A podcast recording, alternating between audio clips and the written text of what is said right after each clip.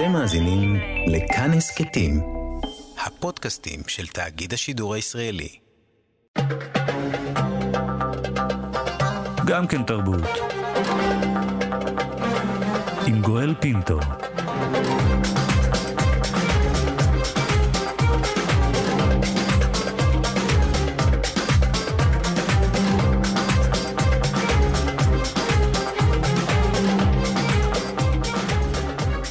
ארבע מילים בנאום ההשבעה של ג'ו ביידן היו יותר ממה שאמר קודמו בתפקיד בכל ארבע שנותיו בבית הלבן.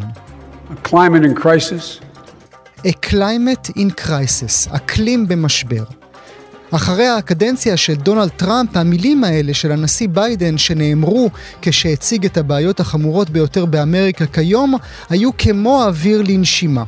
אחר כך, כשקמאלה האריס לצידו וננסי פלוסי מאחוריו, כשכולם היו עדיין לבושים בבגדי ההשבעה החגיגיים, התיישב הנשיא ביידן בכיסאו החדש בחדר הסגלגל וחתם על צווים.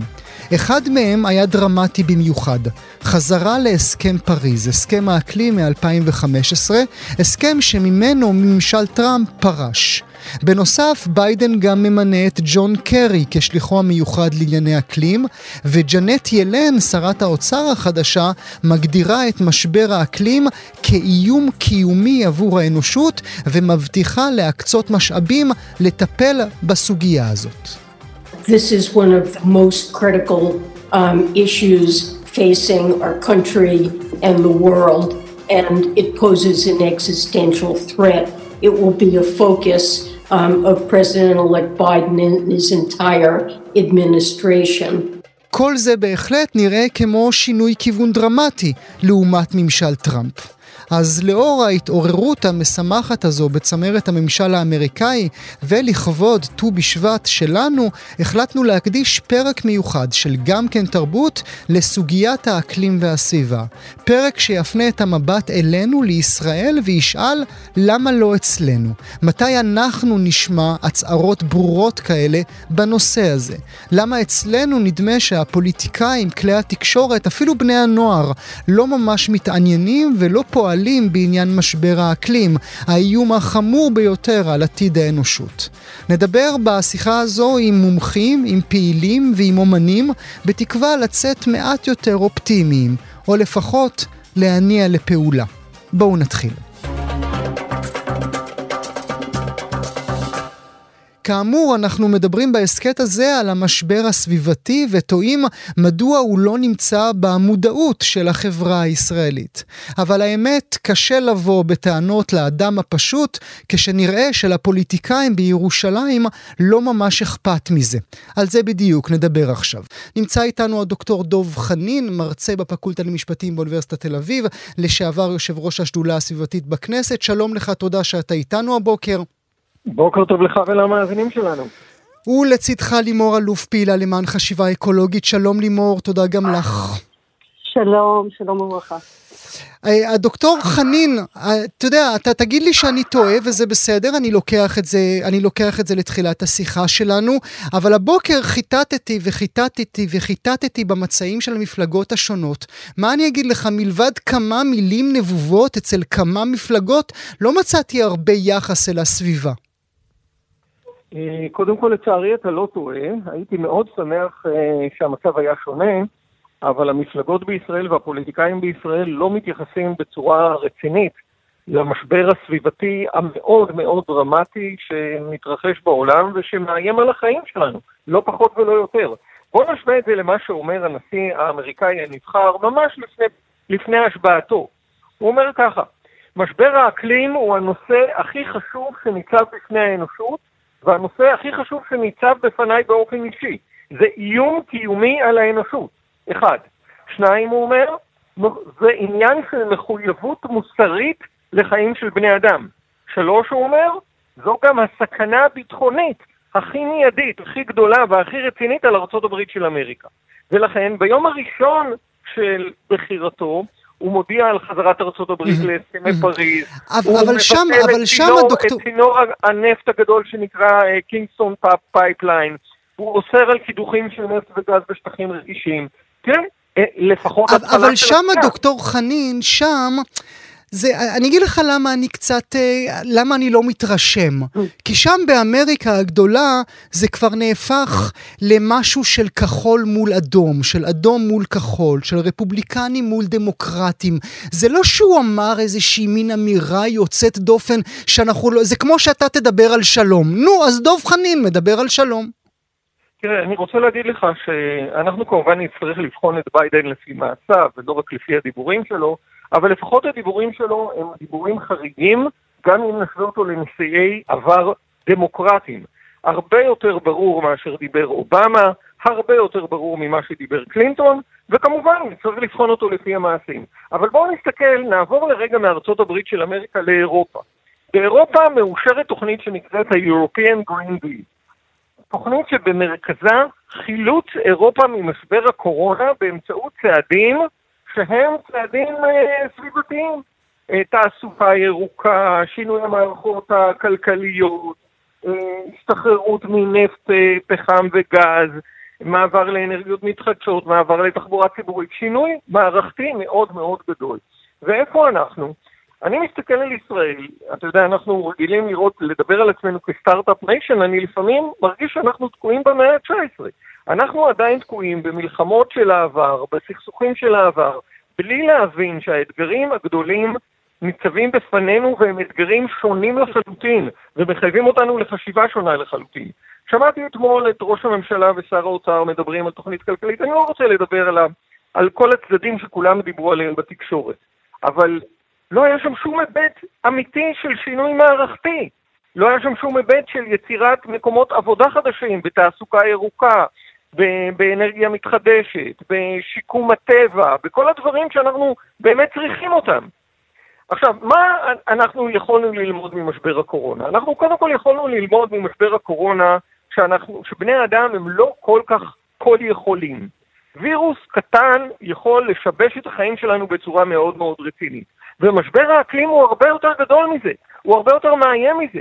הרי לווירוס הזה בסופו של דבר יהיו חיסונים וגם לווריאנטים יהיו תשובות, אבל למשבר האקלים אין חיסון. זה משהו שמשבש את כל המערכת האקלימית של כדור הארץ. המשמעות של הדבר הזה היא הרבה הרבה יותר גדולה. וזה לא משהו ששייך לעתיד הרחוק. אנחנו ראינו עכשיו אצלנו גל חום של שלושה שבועות, אבל 2020, יחד עם 2016, היא השנה הכי חמה בהיסטוריה, והיא מסיימת את העשור הכי חם בהיסטוריה. אז, אז אני רוצה, אני רוצה רגע ברשות... מזג אוויר. אני רוצה ברשותך, דוקטור חנין, לעבור אל לימור אלוף ולשאול אותך, אולי באמת כל הנושא הזה של הסביבה והאקלים והכדור, מה אני אגיד לך, זה מאוד קשה לתקשר את זה, מאוד מסובך להבין את זה, מאוד קשה להסביר שהשריפות באוסטרליה נגרמות ממשהו. אה, את יודעת, אין, אין לזה יחסי ציבור מי יודע מה, וכל העסק סבוך מדי, וכל מה שאני רוצה זה שיהיה לי כסף לשלם משכנתה. אז קודם כל זה נכון, זה באמת סיפור מאוד סבוך ומורכב, אבל אני חושבת שאם אנחנו מדברים למה, למה האיחור? למה השיח האקלימי מתעכב מלנחות אצלנו? מוכרחים להסתכל תרבותית עלינו. וצריך לקחת בחשבון שהנרטיב הקיומי אצלנו כבר תפוס. אנחנו סימנו אויב, וכל המערכות שלנו ממוקדות בו. זה הפלסטינאים, זה האיום האיראני, זה הדבק שמלכד אותנו. האיום, זה, זה האיום הקיומי. עכשיו, מה פתאום שיגיח לו מגה איום מהטבע? שמשווקים איזה מדענים מהאו"ם ויתפוס את הבמה. למה מה קרה? זה בכלל לא מרגיש לנו הגיוני, זה לא זורם לנו עם הנרטיב שגדלנו עליו. בנוסף, אנחנו גם חברה פוסט-טראומטית, עם ביוגרפיה של אסונות קשה. כל הקיום שלנו זה היערכות אל מול איום. השיקול הדומיננטי בתהליכי קבלת החלטות זה השיקול הביטחוני. Mm. סביב המושג ביטחון במוח שלנו יש רשת עשירה מאוד של אסוציאציות, מחיילים חמושים ועד F-35. אף לא אחת מהאסוציאציות שלנו לביטחון זה יציבות אקלימית. ולכן mm-hmm. קשה מאוד למכור לנו שהאקולוגי אבל, אבל לימור, זה, לא, לימור זה, לא רק אצל, זה לא רק אצלנו, נדמה לי, וסלחי לי על החלוקה המאוד מאוד שטחית שאני עושה עכשיו, נדמה לי שזה לא רק ישראל, אלא כל המדינות בהם יש כן שיח אקלימי, כן שיח סביבתי, מדינות אה, של שמאלנים כאלה, אה, ואז זה מתחבר אל השיח הכללי של הטבע. תראה, אני חושבת ש... זה נכון שהשיח האקולוגי הוא השיח הפרוגרסיבי, והוא מגיח מהשיח הפרוגרסיבי, אבל אם תסתכל על השמאל שלנו, השמאל שלנו באופן מסורתי היה עסוק בכיבוש, ו- ולא התפנה להסתכל על האיום הגדול. זה לא היה בארסנל הקוגניטיבי שלנו. עכשיו, תיקח בחשבון עוד, שיש עוד סיבה לאיחור, שהיא גם נעוצה באופי הישראלי. אנחנו מאוד מאוד מקובעים על דמות השליח נושא הבשורה.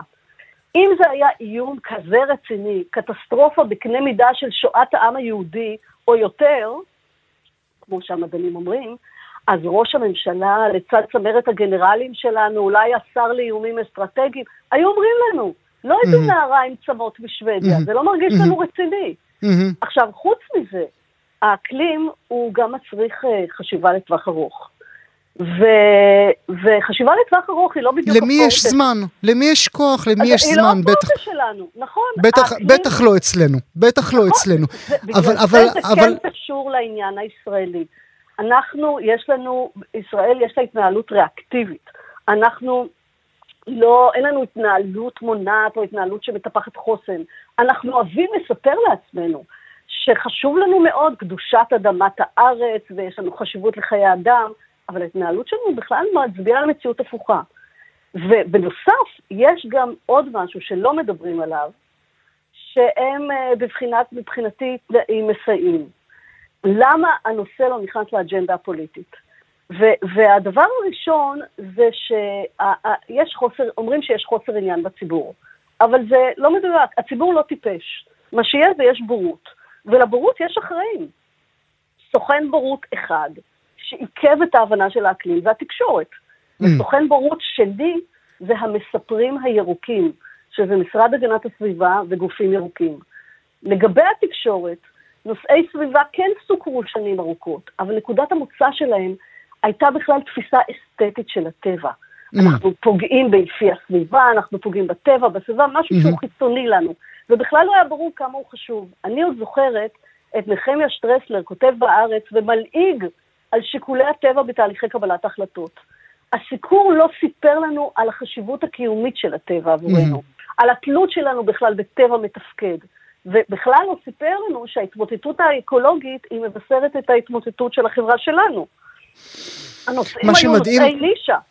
מה שמדהים בדברים שאת אומרת, אה, לימור אלוף, שגם השנה הזו שאנחנו חווים עכשיו, גם היא כנראה לא תשנה שום דבר בשיח של המשוכנעים שהם תמיד יודעים שהם יודעים יותר מאחרים. הדוקטור חנין, אני רוצה רגע ללכת אליך ולשאול אותך, האם אחרי כל השנים שלך בכנסת, בוודאי עכשיו עם העבודה שלך, שהיית כמובן יושב ראש השדולה הסביבתית בכנסת, האם יש לך בכל זאת איזשהו סוג של אופטימיות? כי אני מסתכל על שאלות גדולות אחרות שצצו בשנים האחרונות, בעשורים האחרונים. האחרונים, השאלה הלהט"בית, אפילו שאלת הצמחונות, אלה שאלות שבסוף כן הצליחו להתקבע בתוך הישראליות.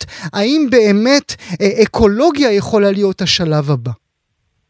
תראה, ראשית, אה, אתה שואל אם אני אופטימי, אני אופטימי כי אני מאמין שבני אדם רוצים לשמור על החיים שלהם ולהגן על החיים שלהם. הרי אנחנו דיברנו קודם על משבר הקורונה, מה ראינו במשבר הקורונה? ראינו שבני אדם מוכנים לשינויים מרחיקי לכת. אתה יודע, הנה, אנחנו מדברים בשעה ששדה התעופה בן גוריון נעצר לטיסות, ואנשים מקבלים את זה. למה אנשים מקבלים את זה? כי אנשים חושבים שזה הדרך להגן על החיים ועל הבריאות שלנו. Uh, בהמשך למה שאמרה לימור, אם אנשים יבינו שלהתמודד עם משבר האקלים זה להגן על החיים והבריאות שלנו, זה לא מותרות, זה לא אסתטיקה, זה באמת באמת החיים עצמם, אנשים יהיו מוכנים לעשות שינויים גדולים. זו הסיבה למה אני אופטימי באופן בסיסי. Uh, תראה, הניסיון שלי בכנסת בנושאים הסביבתיים היה מורכב. הרבה פעמים הרגשתי שאני לבד, אבל מצד שני, גם מהמקום הזה הצלחתי להעביר הרבה מאוד חוקים מאוד משמעותיים, חוק אוויר נקי, חוק המזהם משלם, חוק האכיפה הסביבתית, חוק השקיפות הסביבתית וחוקים סביבתיים נוספים. איך הדבר הזה קרה? מהו הפרדוקס של הפוליטיקה הישראלית? כמו שלימור אמרה, הפוליטיקה הישראלית מאורגנת מסביב לשאלת אה, שלום, מלחמה, אה, שטחים, אה, יהודים, ערבים. מסביב לציר הזה היא מאוד מאוד מקובעת.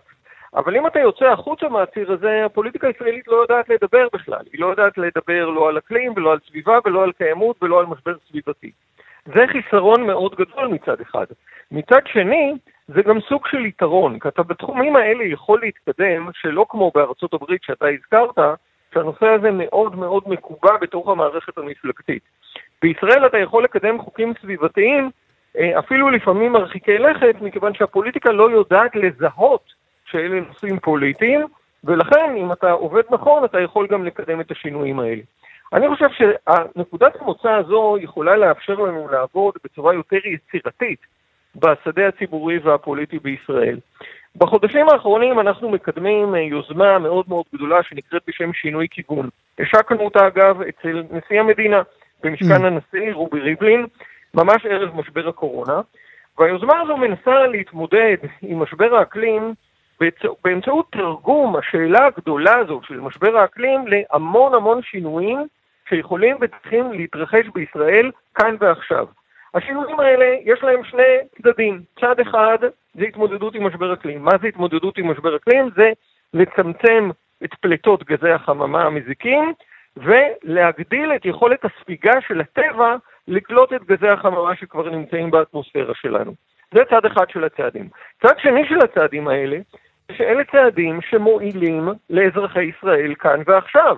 אנחנו היום נמצאים במשבר קורונה, אנחנו צריכים לחשוב על מקומות תעסוקה חדשים. יש לנו מאות אלפי מובטלים. בואו נייצר אפיקים של תעסוקה ירוקה. אנחנו אה, נמצאים במשבר כלכלי. למה במשבר כלכלי כזה אנחנו מוכנים להמשיך לבזבז את הכסף שלנו וגם את הבריאות שלנו על אה, גז שעולה נורא ביוקר ועל פחם מיובא שבטח עולה ביוקר במקום לעבור לאנרגיית שמש, שהיא היום יותר זולה. היא לא רק יותר נקייה, היא גם יותר זולה. אתה יודע, אתה יודע מה בא לי לשאול אותך עכשיו? אנחנו חייבים לסגור את השיחה ועוד אני רוצה רגע לפנות ללימור, אבל אתה יודע מה בא לי לשאול אותך, דב חנין? לשאול אותך כמה אנשים אתה חושב אה, סגרו את, ה, את מקלט הרדיו במהלך השיחה שלנו? אני רוצה להפתיע אותך ולהגיד לך שאני חושב שדווקא מספר האנשים שהגבירו את הווליום הוא יותר גדול, וכדי לצטט אילנות גבוהים, אני אספר לך על סטטוס שכתב לפני שבוע יאיר לפיד, אני לא תומך שלו, אתה יודע, אבל הוא סיפר על זה שכשהוא מנהל מפגשים לקראת הבחירות, אנשים מבוגרים אה, מדברים איתו על דמוקרטיה ומשבר דמוקרטיה ושלום וכל מיני נושאים קלאסיים של הפוליטיקה הישראלית שהם נושאים בהחלט חשובים, אני לא מזלזל בהם. אבל הוא אומר שכל הצעירים שהשתתפו במפגשים שלו דיברו איתו רק על אקלים. רק על אקלים ואקולוגיה, מעניין. ולכן הוא אומר, אני לוקח את הנושא הזה ברצינות, ואני מתכוון לטפל בו. אז אני מברך על זה, ואני אומר שזה מבטא משהו שקורה בציבור הישראלי, במיוחד אצל צעירים. אז לימור, אעבור אלייך אה, לסיכום השיחה הזו. האם בהקשר של מה שאמר עכשיו הדוקטור חנין והאזכור של יאיר לפיד, האם בעינייך התקווה, לא הרצון, התקווה שבאמת אנחנו נראה תחרות בין פוליטיקאים, מי יותר ירוק? אני מצטרפת לדב חנין. ההערכה שלי זה שאנחנו דקה לפני מבול של הצהרות וסיסמאות ירקות, ירוקות שינחתו עלינו בבת אחת. צריך לדעת, הדברים האלה לא קורים בהדרגה. שינויים חברתיים מהירים. אנחנו עומדים לראות פוליטיקאים נשבעים בשם האקלים, קוראים וואו. להכניס את זה לאג'נדה. שלנו. רגע, וואו. זה דינמיקה מוכרת. פוליטיקאים הם לא חלוצים. הם אף פעם לא ראשונים להוביל שינוי. הם נמצאים שם ברקע. הם מפעילים את הססמוגרף שלהם לקלוט תזוזות בשטח, ומרגע שהם מרגישים שמתקבץ לו מחנה גדול, הם קופצים לעמוד בראשו ולהגיד זו הובלה שלי. וגם סקר של המכון הישראלי לדמוקרטיה מראה ש-75% מהציבור חושב שממשלת ישראל חייבת לטפל במשבר האקלים. אבל יש לי הערה אחרונה. תבינו, להסכים שאסון האקלים הוא האיום הקיומי באי הידיעה, זה להסכים לבחון מחדש את הנושאים שנמצאים אצלנו על השולחן. ולהכריח אותנו להסתכל לעומק על סדרי העדיפויות שלנו. מה אנחנו מתקצבים, איזה תשתית אנחנו מכינים לעתיד. נושא אקלים הוא ממש דורש מאיתנו לשאול, האם התשתיות האלה הן חלק מהבעיה, אה, גז למשל, או חלק mm-hmm. מהפתרון. Mm-hmm. זה גם דורש מאיתנו לשאול את השאלה האולטימטיבית שאנחנו מסרבים שהיא תעלה. האם נכון לנו להמשיך לשמר ולנהל את הסכסוך? האם כעת, אל מול האיום הקיומי הזה, לא דחוף לנו יותר דווקא לעסוק פתרון? בטבע. מעניין. טוב, אני, אה, אני פחות אופטימי מכם, אבל אני שמח שהייתם איתי הבוקר, ככה נסחתם בי קצת תקווה. דוקטור דוב חנין ולימור אלוף, תודה רבה לשניכם שהייתם איתנו תודה לך. ושלום ויום טוב. ביי.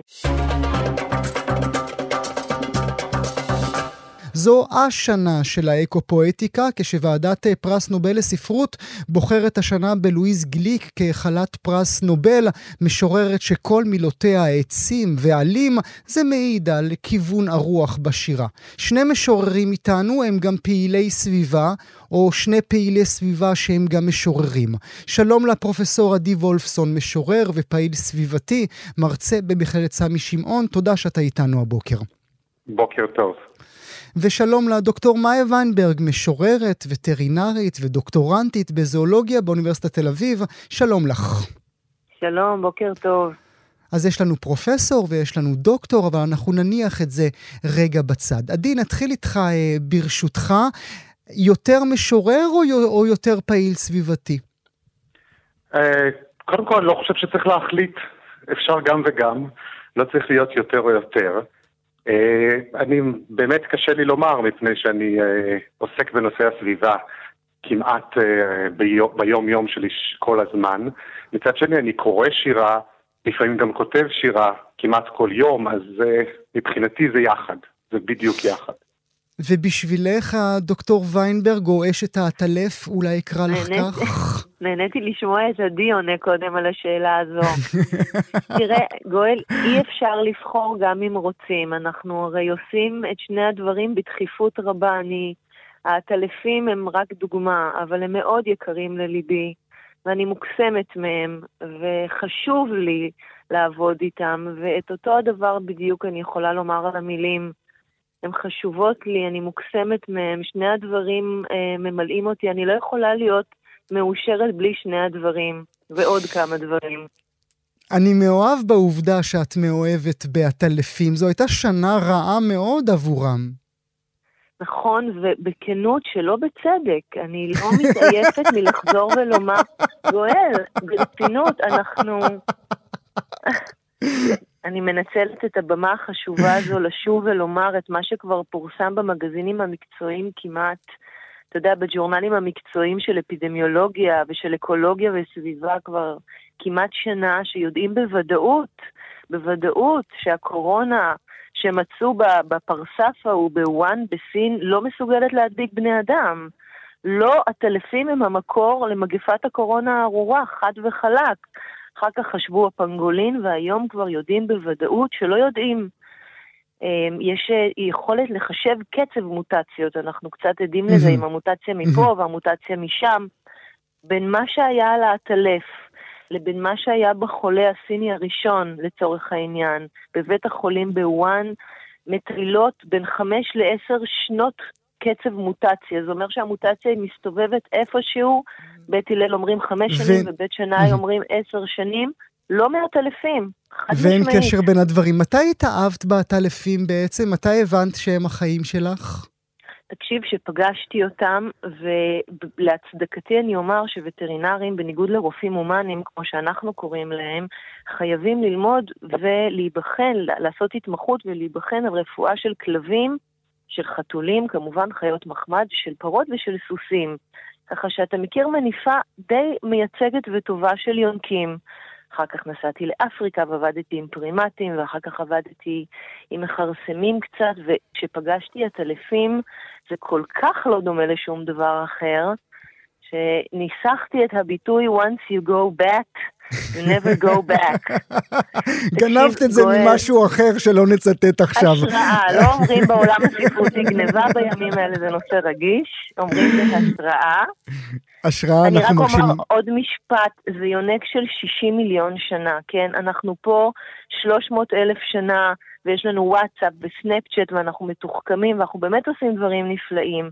אבל שאתה פה 60 מיליון שנה בצורה המוגמרת, mm-hmm. לא mm-hmm. בשלבי התפתחות, וצריך לדעת להסתדר עם עולם דינמי, משתנה, mm-hmm. שפעם יש בו דינוזאורים, ופעם גלי קרח, ווירוסים, וחיידקים, ואלוהים אז, יודע אז מה בואו עוד. כולנו, אה, בואו בוא כולנו של את נעלינו. הפרופסור וולפסון, אה, אה, הדוקטור מאיה ויינברג מאוהבת בעטלפים. במי אתה התאהבת בטבע? אני רוצה רק לומר מילה אחת לגבי מה שדיברתם, שהמקור של המחלה הזו היא, זה אנחנו, זה בני אדם בעצם, mm-hmm. את זה להבין. זה לא משנה מאיזה בעל חי או איך המוטציה התגלגלה, אבל בעצם אנחנו אה, שכובשים שטחים, שפוגעים אה, בבעלי חיים, שאוכלים בעלי חיים וכל מיני כאלה דברים, אנחנו הבאנו את זה עלינו. אה, אני התאהבתי בנוף המדברי, אני גדלתי בערד, נולדתי בערד, אני תושב באר שבע. אה, ואני אה, הייתי קם בבוקר ועושה הליכה אה, למדבר, והנוף הזה, החום עם הגוונים של האדום והכאב והבהיר, זה הנוף של ילדותי, וזה פתאום לראות איזה צבעוני פוקע בתוך הערים ואיזה כתם אדום כזה. אז אלה הדברים שאני... אלה הדברים. הראשונים אז... שאני ראיתי. אז אם זה לידך, אשמח אם תקרא עבורנו את אותו נוף ממש, את השיר שלך על ים המלח. אז כן, כמו שאמרתי, גדלתי בערד, ובערד יש uh, תצפית, uh, את האמת, לבריכות של מפעלי ים המלח, כי ים המלח כבר לא שם שנים, uh, והשיר שלי נקרא בירוקרטיה. ים המלח מתייבש בצינורות המקובלים. מישהו שכר את פי הירדן, ואחר קשר את פרקי הנחלים, ומילא את בריכות המפעלים, ואפילו השמש באופן טבעי מגלחת את פני המים. בעוד כמה שנים, או יותר, יעמדו במקומנו נציבי מלח רבים, להזכיר כי על חטאי סדום ופשעי פקידי ירושלים לא ישיבונו. וואו. וואו, זה כתב אשם, זה לא סיפור אהבה לטבע. אז כן, אז אקו-פואטיקה, איך שאני רואה אותה, ואם להתחבר לשירה של לואיס גליק, אה, אקו-פואטיקה היא לא שירת טבע, היא לא שירת אהבה לטבע רק, היא לא שירה של איזשהו משהו רומנטי כזה, היא שירה שרוצה לדבר בשביל הטבע. אה, כי לתרבות יש תפקיד של הנאה, של יופי, של עושר, ואושר באלף ובעין, אבל יש לה גם תפקיד לערער אותנו, אה, לגרום לנו לחשוב, ואפילו להניע אותנו לפעולה. ואקו-פואטיקה רוצה לדבר בעיניי בשביל הטבע, אה, להיות קול. וכן, ושירה, בשיר הזה בעצם יש פה איזשהו משהו שאומר, רגע, זה בידינו, יש מי שגורם לדברים האלו, יש מי שמחליט החלטות ועושה דברים, זה מתחיל בי כאדם, וגם לראות את זה או לדבר על זה, זה לעשות מעשה, אבל זה כמובן ממשיך לעוד הרבה הרבה אנשים אחרים, אה, וזה התפקיד שאני רואה לאקופואטיקה. אז אולי מאיה, את תסבירי לי את ההבדל. מה הופך את המשורר האחד לאדבוקט למען הטבע, ומה הופך את המשורר, משוררת במקרה של גליק, האחר, למתאר את הטבע, או קורא את קריאתו של הטבע? תראה, שירה, בניגוד למדע, היא משהו לא סקלטני. אני, אני חושבת שכמעט אין, אני יכולה לדבר על עצמי וכדאי שאני אעיד על עצמי, כמעט אין לי שליטה על מה אני כותבת. עד כדי כך. זאת אומרת, אה, זה כמו, זה כמו רוח שעוברת בפעמוני רוח בכניסה לאוהל. זה פשוט עובר וצריך לשבת לכתוב את זה. ו, וכל מיני זרמים לא מודעים בוחרים מה יניע אותי לשבת ו- ולהוציא את השיר החוצה. אני מניחה שזה דברים שקרובים ללב וקרובים לנפש ומטרידים גם את המוח הסקלטני. אבל מה בסוף יוצא החוצה זה, זה חותם מאוד אישי. ולמשורר יש את החותם האישי שלו בשירה שלו, ו- ו- וטוב שכך, כן? וזו הצדקה בעצם לכל כך הרבה קולות שיריים. זה היופי שלהם, המגוון הזה, שכל אחד מביא לשירה שלו משהו אחר. ואת, אני... אם היית צריכה להגדיר את עצמך, את בשירים שלך, את בעצם, איך שאני תופס אותם, את, אה, את מאוד עדינה בשירה שלך. תראה, אני עוברת תהליך של הזדהות מוחלטת עם מושא השירה שלי, בין אם זה עץ ובין אם זה פרח ובין אם זה ציפור ובין אם זה הר. אני באיזשהו מקום הופכת הם והם הופכים אני ויש בינינו איזה מין דיאלוג אילם שאני מתרגלת אותו הרבה ברפואה וטרינרית, כן? חיות לא מדברות, אני צריכה להרגיש ולנחש ולדמיין ולהזדהות ומתוך זה להבין מה עובר עליהם.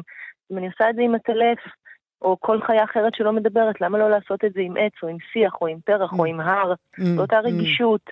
ואז יש איזה מין ערבוביה כללית שאני חושבת שהיא מוצדקת, כי אני חושבת שדין האדם כדין הבהמה, כדין, כדין העציץ, הפרח שבעציץ, כולם רוצים לחיות, אתה יודע, להעמיד דור צאצאים, לגדל אותו בנחת, להיות בריאים, לראות עתיד.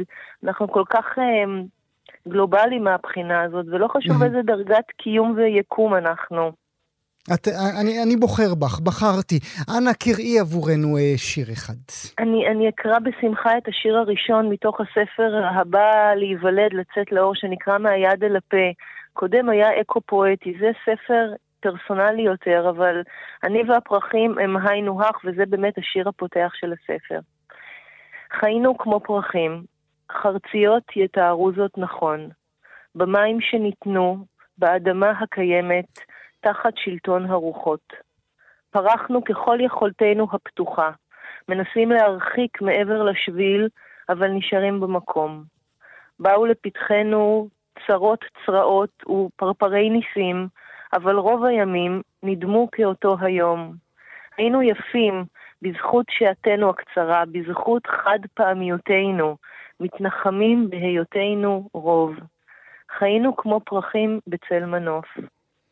כמו פרחים בצל מנוף, וזו גם התפיסה שלך את עצמך? החיים שלך הם בצל של מנוף? של כולנו, גואל, לא? אנחנו יודעים מתי אה, המחריט יקרות, אנחנו לא יודעים. הדוק... אה, הפרופסור וולפסון, מה בעיניך התפיסה של הקוראות והקוראים את השירה האקו הסביבתית הזו? יש לה מספיק הערכה, אתה חושב? אני חושב שעדיין אה, רוב האנשים משייכים אותה לשירת טבע, שיש לה היסטוריה ארוכה ומורשת מאוד גדולה, אה, ועוד לא מרגישים תמיד את הניואנסים האלו. ואת ההבדלים או את הקריאה אה, למחשבה אחרת, לפעולה אחרת, אבל אני קורא יותר ויותר משוררים שכותבים שירי טבע אולי, שיש בהם גם איזשהו משהו שהוא מעבר ליופי של הטבע ולאיזה האנשה, אני כמו העץ, כמו הבעל חי הזה או אחר, ויש גם איזושהי אה, אה, התרסה על מה שהאדם עושה לטבע, mm-hmm. על מה שקורה שם, אז אני חושב שזה מחלחל, זה, זה משהו שגם בעולם אה, יש דבר כזה אקו-פואטיקה, אבל זה, אין לו שורשים כל כך כל כך עמוקים עדיין. Mm-hmm. אה, ואני חושב שזה הולך ומתפתח, מפני שבכלל כל השיח בנושא סביבה, בנושא אקלים, הוא שיח mm-hmm. שרק מתפתח עכשיו. וצריך לומר שהנובל בהחלט תרם לדבר הזה. אולי מילה אחרונה שלך, הדוקטור אה, מאיה ויינברג. היית אה, עושה הבדלה בין אה, שירה אקו-פואטית גברית לשירה אקו-פואטית נשית? לא, וגם לא הייתי עושה הבדלה בין שירה אקו-פואטית לפואטיקה. שיר, איך שלא תקרא לו בסופו של דבר, בין אם הוא אקו-פואטי או לא, צריך לעמוד כשיר. צריך לעשות את הקסם הזה, להוציא את האוויר מהריאות ולעשות את העילוי החושי הזה, להעביר אותך חוויה אידיוסינקרטית לא מובנת, לעשות את הטלטלה הפואטית הזו שהוא יודע לעשות.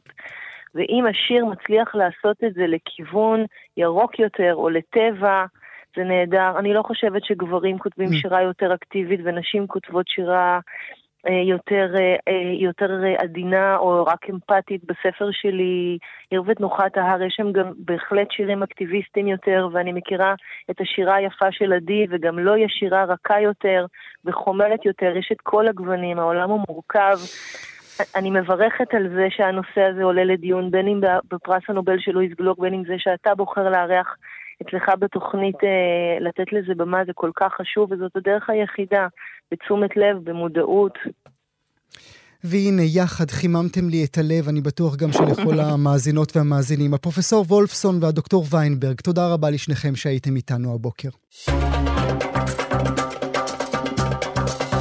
שנת אה, קורונה הוכיחה לכולם, אני לפחות מקווה שלכולם, שמשהו בסביבה העירונית שלנו לא מסתדר. יותר מדי בטון, הרבה פחות מדי עצים ופרחים. האם קורונה תשנה משהו בשכל של מתכנני הערים ומקבלי ההחלטות? נשאל. שלום לתמר רביב, ראש אגף מגוון ביולוגי ושטחים פתוחים במשרד להגנת הסביבה. תודה שאת איתנו הבוקר. בוקר טוב וט"ו בשבט שמח. ט"ו בשבט שמח, ט"ו בשבט שמח. האם קורונה בעינייך תשנה משהו? אמ, אני חושבת שכן, אני חושבת שבאמת, כמו שאמרת, השנה האחרונה הוכיחה אה, להרבה מאוד אנשים אה, שטבע ליד הבית זה דבר חשוב, דבר נצרך אה, ודבר קריטי לאיכות החיים שלנו. Mm-hmm. כנראה שבאמת זנחנו את זה לאט לאט, למרות שהמשרד להגנת הסביבה כבר מקדם מדיניות לפחות עשור של שמירה על טבע עירוני. אה, אבל באמת התהליכי הפיתוח אבל לא מספיק, בישראל אבל לא מספיק, בזה אנחנו, מסכ... בזה אנחנו אה, מסכימים. כי באמת, מה שכל אחד, השנה... מה שכל אחד, מה, מה שאנשים הרגישו בשנה האחרונה, זה שאם יש לי טווח של רק כמה מאות מטרים שאני יכול לצאת מהם, אה, מהם מהבית, רוב המקרים שאני אתקע בעוד בניין ועוד בניין ועוד בניין. זה לא בהכרח נכון. אני חושבת שהרבה אנשים גילו את ההפך, הם גילו מה שהם לא ידעו שמסתתר ממש במרחק של כמה מאות מטרים. פתאום גילו שיש אתרי טבע קטנים, ויש אה, שטחים טבעיים שאולי לא מוגדרים כאתר טבע, אבל שהם נמצאים ליד הבית, וזה לא חייב להיות רק בתוך העיר, זה יכול להיות אה, במושב, שאם יוצאים כמה מאות מטרים מחוצה, פתאום מגלים שיש שטחים טבעיים, ושיש גם מה לראות בהם. זאת אומרת, זה אולי היה נחשב בתודעה כמקום שהוא שם ולא יודעים, זה לא שמורת טבע, זה לא אתר אה, אה, טבע מוגדר, אבל שיש שם הרבה מאוד טבע שמתרחש. ושבאמת אפשר ליהנות mm-hmm. ממנו, ואפשר פתאום להתחיל להבין אותו. אני חושב שאת הרבה יותר אופטימית מהמצב האמיתי. אני לא חושב שהרבה אנשים, במיוחד אלה שגרים בתוך הערים, אה, יש להם אה, גינה נחמדה לידם. אני לא חושב שלהרבה אנשים יש ללכת מעבר לכבישים ומדרכות. אז אה, זה לא מה שאנשים מראים גם בפייסבוק וגם בכתבות. יש ערים גדולות שעם הרבה מאוד טבע, בין אם זה ירושלים, חיפה, תל אביב, ערים גם יותר קטנות שיש בהן הרבה מאוד טבע, ומה שאנחנו עושים בשנים האחרונות זה לנסות לתת לערים האלה את הכלים כדי להבין באמת מה יש, mm-hmm. להבין את אותן תשתיות ירוקות. מה אנחנו עושים mm-hmm. בעצם בעשור האחרון, יחד עם הרבה מאוד שותפים, ביניהם גם החברה להגנת הטבע ועוד אה, חברות אה, שמבצעות סקר טבע עירוני. המשרד להגנת הסביבה בעשור האחרון מממן או מסייע למימון של סקר טבע עירוני. מה זה בעצם? זה לקחת את כל אותם אתרי טבע ותופעות טבע, זה יכול להיות גם איזשהו עץ או קיר כינון, אה, ולהכניס אותם יחד לתוך מסד נתונים, כדי שהעיר תדע מה בכלל יש לה. כדי להתחיל לנסות ולפתח את האתרים ולהנגיש אותם לציבור, צריך קודם כל לדעת מה יש מתחת mm-hmm. מה יש. Mm-hmm. ואת הדבר הזה אנחנו כבר עושים יותר מעשור. כבר יש היום 50 עיריות שביצעו סקר טבע עירוני. עם אה, כרטסת אתרים שנמצאת באינטרנט ומפה אינטראקטיבית שמונגשת לציבור כדי שידעו מה יש שם. ו-50 זה מספיק בעינייך. אני חושבת שזו תחילת הדרך. זו תחילת כן... הדרך, אוקיי. אה, זה ברור לגמרי שמדינות ש, מערביות מתפתחות הרבה יותר מאיתנו בדבר הזה, אבל בואי נעבור רגע ברשותך לשאלה הבאה. האם בעינייך יש קשר בין מחסור בשטחים פתוחים וטבע עירוני למשבר האקלים ולהתחממות הגלובלית שאנחנו מרגישים בתוך הערים עצמם? אמ, אנחנו יודעים שקשה באמת לחבר בין הדברים באופן אה, מובהק. אנחנו כן יודעים אבל שככל שיש לנו פחות ופחות שטחים טבעיים באופן כללי, אנחנו בעצם אה, פוגעים פה ביכולת, אה, בעצם לא מאפשרים את צמצום תופעות משבר האקלים, מצד שני, ככל שאנחנו משאירים את השטחים הפתוחים ונותנים לטבע לעשות את העבודה שלו ולמערכות האקולוגיות לתפקד, אז אנחנו מאפשרים את אותה מיטיגציה.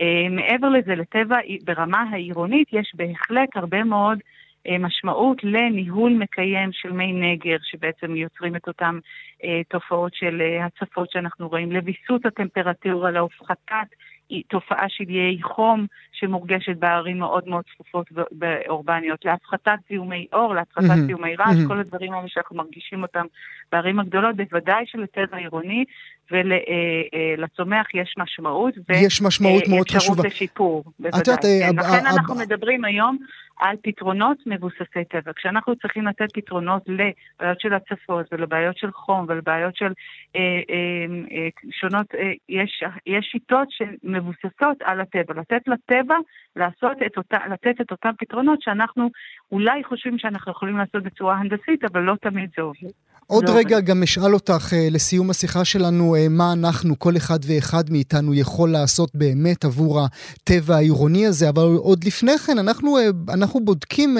הבוקר את דוח חדש שמדבר על שאלת ההתמודדות המדינות עם משבר האקלים.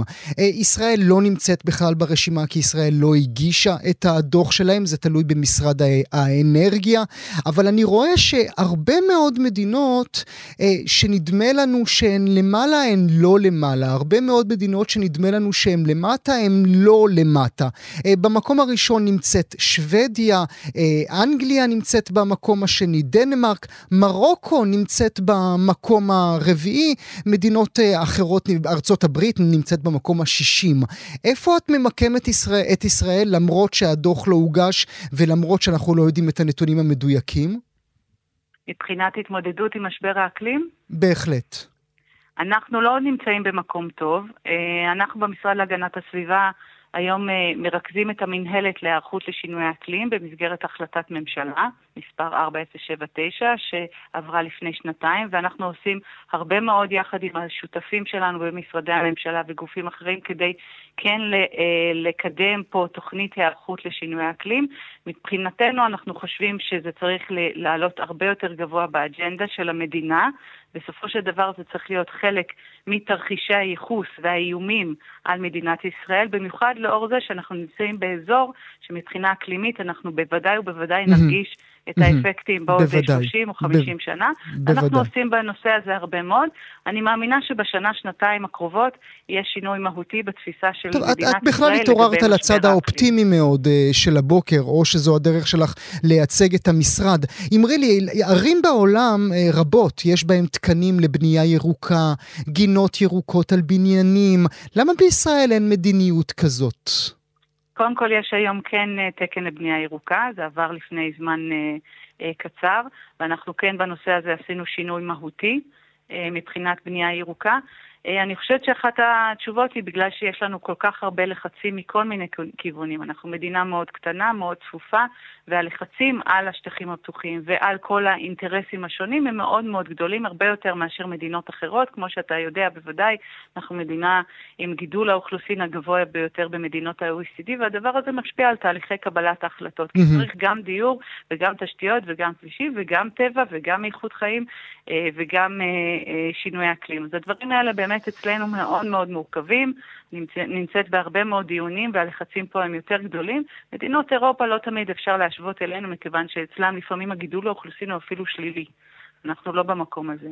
אז כשלוקחים פיסת אדם, אה, ארץ קטנה, אבל עם הרבה מאוד אי אפשר, אי אפשר, אנחנו צריכים אפשר, לקבל החלטות בצורה. אבל בכל. זאת אי אפשר לא לקחת אחריות, אי אפשר לומר שאילו זה היה בראש סדר העדיפויות של מקבלי ההחלטות, זה לא היה במקום גבוה יותר.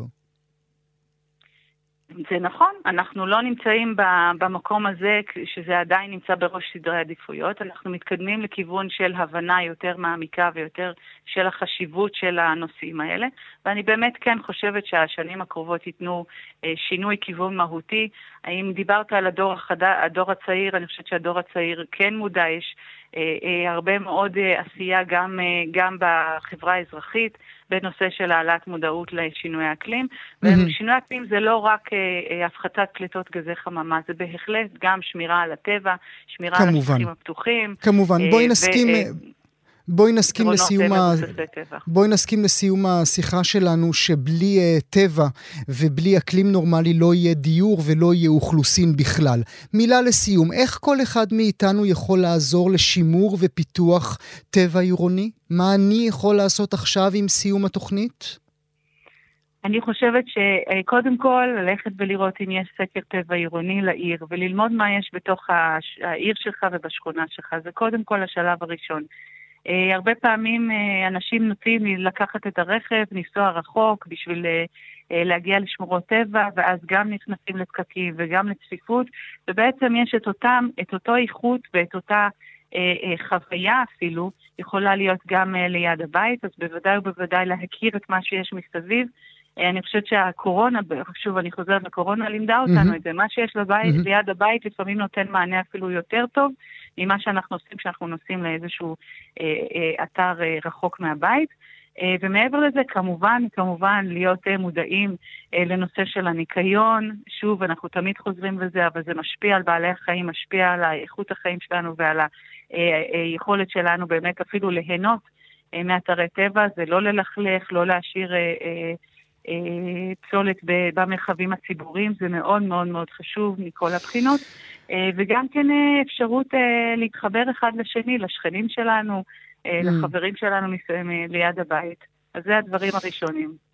וכמה עצים נוספים לא יזיקו לאף אחד מאיתנו. תמר אביב, אני מודה לך מאוד, תודה שהיית איתנו הבוקר. חג שמח, ביי.